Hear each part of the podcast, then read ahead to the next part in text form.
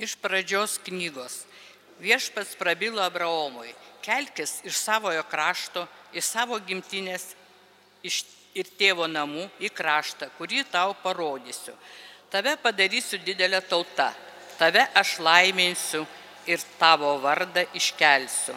Tu būsi palaima. Aš laiminsiu tuos, kurie laimins tave, o kas tave keiks, tą prakeiksiu.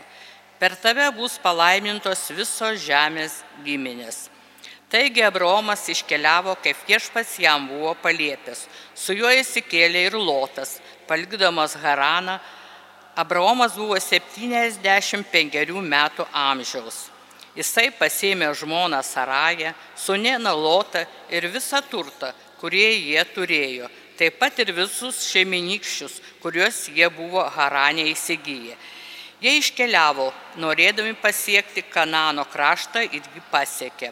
Abraomas perėjo kraštą lygi Sichemo vietovės iki Morės giraitės. Krašte tuomet buvo Kananitai. Abraomui pasirodė viešpas ir tarė, šį kraštą aš atiduosiu tavo palikonėms. Tenai Abraomas pastatė aukurą viešpačiui, kuris jam buvo pasirodęs. Ir iš ten Abraomas patraukė tolyn į kalnyną į rytus nuo Betelio ir pasistatė palapinę. Vakaruose liko Betelis, o rytuose buvo Agis. Tenai jis pastatė viešpačiui aukurą ir šaukėsi viešpatės vardo. Paskui Abraomas vis kėlėsi toliau link negėbo. Tai Dievo žodis.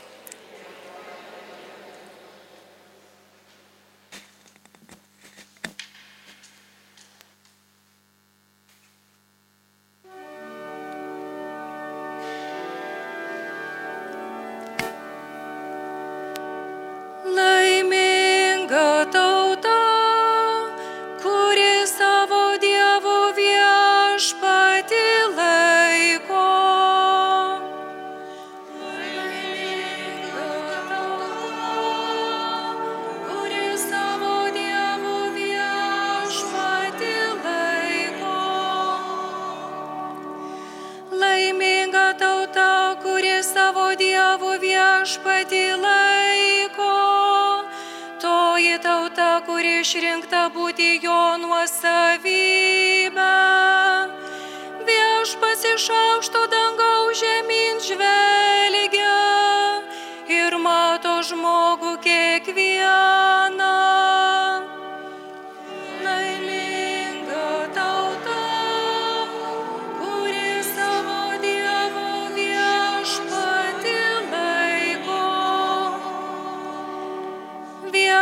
Viešpaties akį žvelgia į tuos, kur jo bijo, kurie tikis jo jo malonės.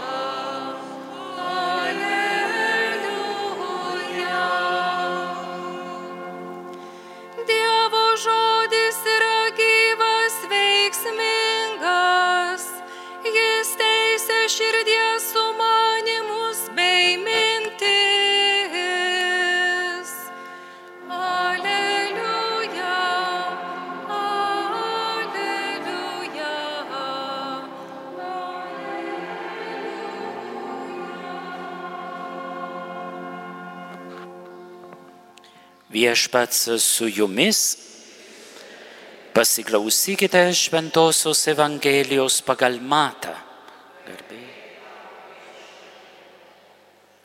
Jėzus bylojo savo mokiniams, neteiskite kitų, kad patys nebūtumėte teisiami. Kokiu teismu teisėte kitus, tokiu ir patys būsite teisiami. Ir kokiu mastu matuojate, tokiu ir jums bus atmatuota. Kodėlgi matai krislą savo brolio akyje, o nepastebi rasto savojoje? Arba kaip gali sakyti broliui, leisk, išimsiu krislą iš tavo akies, kai tavo akyje rastas. Veidmainy pirmiau išrytink rastą iš savo akies, o paskui pažiūrėsi, kaip pašalinti krislelį iš brolio akies. Girdėjote viešpatės žodį.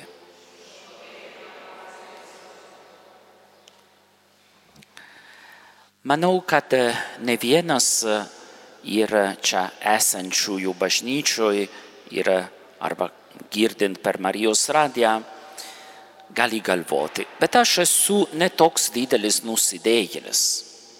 Ir ne tik tai, kad nežudžiau ir nevogiau, neapiplėšiau, bet kad ir tų matomų didesnių nuodėmių aš nedarau. Tada Jėzus šiandien savotiškai nekalba man, nes aš to rasto akyje neturiu. Gal kristalėlį tikrai taip, bet rasto tikrai ne. Bet mes nežiūrėš, nežiūrėkime iš kiekybinio pusės. Tarsi, kad kuo didesnė nuodėmė, tuo daro tada mūsų netinka mūsų duoti pastabas kitiems. Net ir mažesnė nuodėmė gadina tą pilną santykį su Dievu, tam, kuris yra jautrus Dievo balsui. Ir tada ir ta mažesnė nuodėmė gali neleisti tau duoti pastabą broliui sesiai. Ne dėl to, kad ta nuodėmė yra žiauri ar baisi, bet dėl to, kad tu esi brolis ir sesuo, o ne teisėjas. Jėzus nori mums pasakyti, kad iš viso verta nesmerkti ir neteisti kitų. Mes esame netinkami teisti, patys būdami nusidėjėliais. Tada čia nekalbam apie nuodėmės kiekį ar dydį, o kalbam apie nuodėmę. Atsimenat, kada buvo atvesta pas Jėzus svetimautoje, Ir farizėjai norėjo užmušti akmenimis ir sako, Jėzau, tada kaip tu spręsi šitą situaciją, ar reikia ją atleisti. Bet jis atsisako būti teisėjas ir tos moters, ir fariziejų. Ir sako, tas, kuris yra iš jūsų be nuodėmės, tegul meta pirmas akmenį. Ir pradedant nuo vyresniųjų, nes vyresnieji, senesnieji sakome, kad yra išmintingesni. Pradedant nuo tų vyresniųjų, vienas po kito pasitraukti. Moterį, tavęs niekas nepasmerkė. Ir sako niekas. Ir aš tavęs nesmerksiu. Tada jeigu Jėzus atsisako smerkti, būdamas tyras Dievo vinėlis, neturėdamas net krislelį akyje, ar mes būsime geresnieji už jį, kad galime pasmerti, teisti ar nurodinėti kitiems. Pereikime į šios dienos pirmąjį skaitinį kaip paaiškinimą to palyginimo. Kalbama apie Abraomo, galima sakyti, emigraciją iš Ūro, Mesopotamijoje į Kanano, Izraelio žemę. Jis e, savotiškai net nežinojo, kur veda ta kelionė. Dievas nesakė iš karto kur, bet sako, tu pasitikėk, aš dieną po dienos tau nurodysiu kelią. Ir Abraomas palieka savo žemę, savo kultūrą, savo dievus, savo tvirtybę, net savo ramybę finansinę, pasiemė tik tai uh, kilnamosių, kilnamą į turtą, galvijas, gyvulius, vergus, padėjėjus ir su visą tą savo gentį persikėlė kitur. Tai čia Abraomas atvyko į Kananos šalį sakyti kitiems, kurie jau ten gyveno, jūs turite netikrus dievaičius, aš turiu javę, aš turiu viešpatį. Ne. Jis neina ten teistis, merkti, nurodinėti tiems žmonėms, pas kuriuos ateina. O ką eina daryti? Atsakymas - atlikti Dievo valią. Tai koks geresnis pavyzdys krikščionims galėtų būti negu Abraomas? Palikti savo tvirtybę, palikti savo planus, savo svajonės, o prisitaikyti prie Dievo valios, prie Dievo žodį, prie Dievo nurodymus. Ir pirmą nurodymą yra gyventi pagal krikštą. Pasitikėti Dievu eiti ten, pas kuriuos jis mus siunčia ir ne sakyti jiems, kaip gyventi, kad pakeistų savo elgesį, bet rodyti jiems gerai gyvenimo pavyzdį. Aš tavęs nesmerkiu, aš tave neteisiu, aš gyvenu pagal viešpaties įstatymą ir nurodymus. Ir esu laimingas tuo, kiek kartų žmonės aplink mūsų, ar jie tikintieji ar netikintieji, mato mūsų šypseną. Arba mato mūsų tik tai pavargusius, apniūrusių veidų, susirūpinę, susiraukę. Ir tada gali galvoti, o čia jis gyvena Dievu? Ar Dievas gyvena jame? Tai va, tada broliai seserys suprantam, kad ta palyginimas apie krislelį ir rastą kalba apie kiekvieną mūsų, net turint mažesnius nuodėmius. Nes kiekvienas iš mūsų pilnai dar kol kas nesugebame gyventi tuos krikšto įpareigojimus. Ir baigiu, be abejo, tradiciškai, kadangi mišos yra transliuojamos iš Šventojo Nobosko parapijos, kada pasitaiko proga sakyti kunigo Bosko gyvenimo epizodę ir naudoju tą progą, ne? ar susiję arba nesusiję, na, šiek tiek. Ir mes nesenai praeitą šeštadienį šventėme Joninės ir kaip jūs žinote, tikriausiai Jonas buvo Jonas Batista Bosko, tai Jonas Krikštytojas, jo vardas, Krikšto vardas. Ir 1856 per savo vardadienį visi vaikinai ten, kur jie, jie gyveno, norėjau padaryti dovaną ir organizuoju labai gerą šventę kunigui Bosko. Jis buvo toks sužavėtas, kad pažadėjo joninių vakarą, sako, gerai, jūs man padarėte šventę, padarėte daugybę dovanų, tada aš noriu irgi. Kiekvienas iš jūsų tegu rašo ant raštelio, kokią dovaną norėtų nuo manęs. Ir aš, jeigu sugebėsiu, jeigu turėsiu galimybės, tikrai nu, patenkinsiu jūsų norus.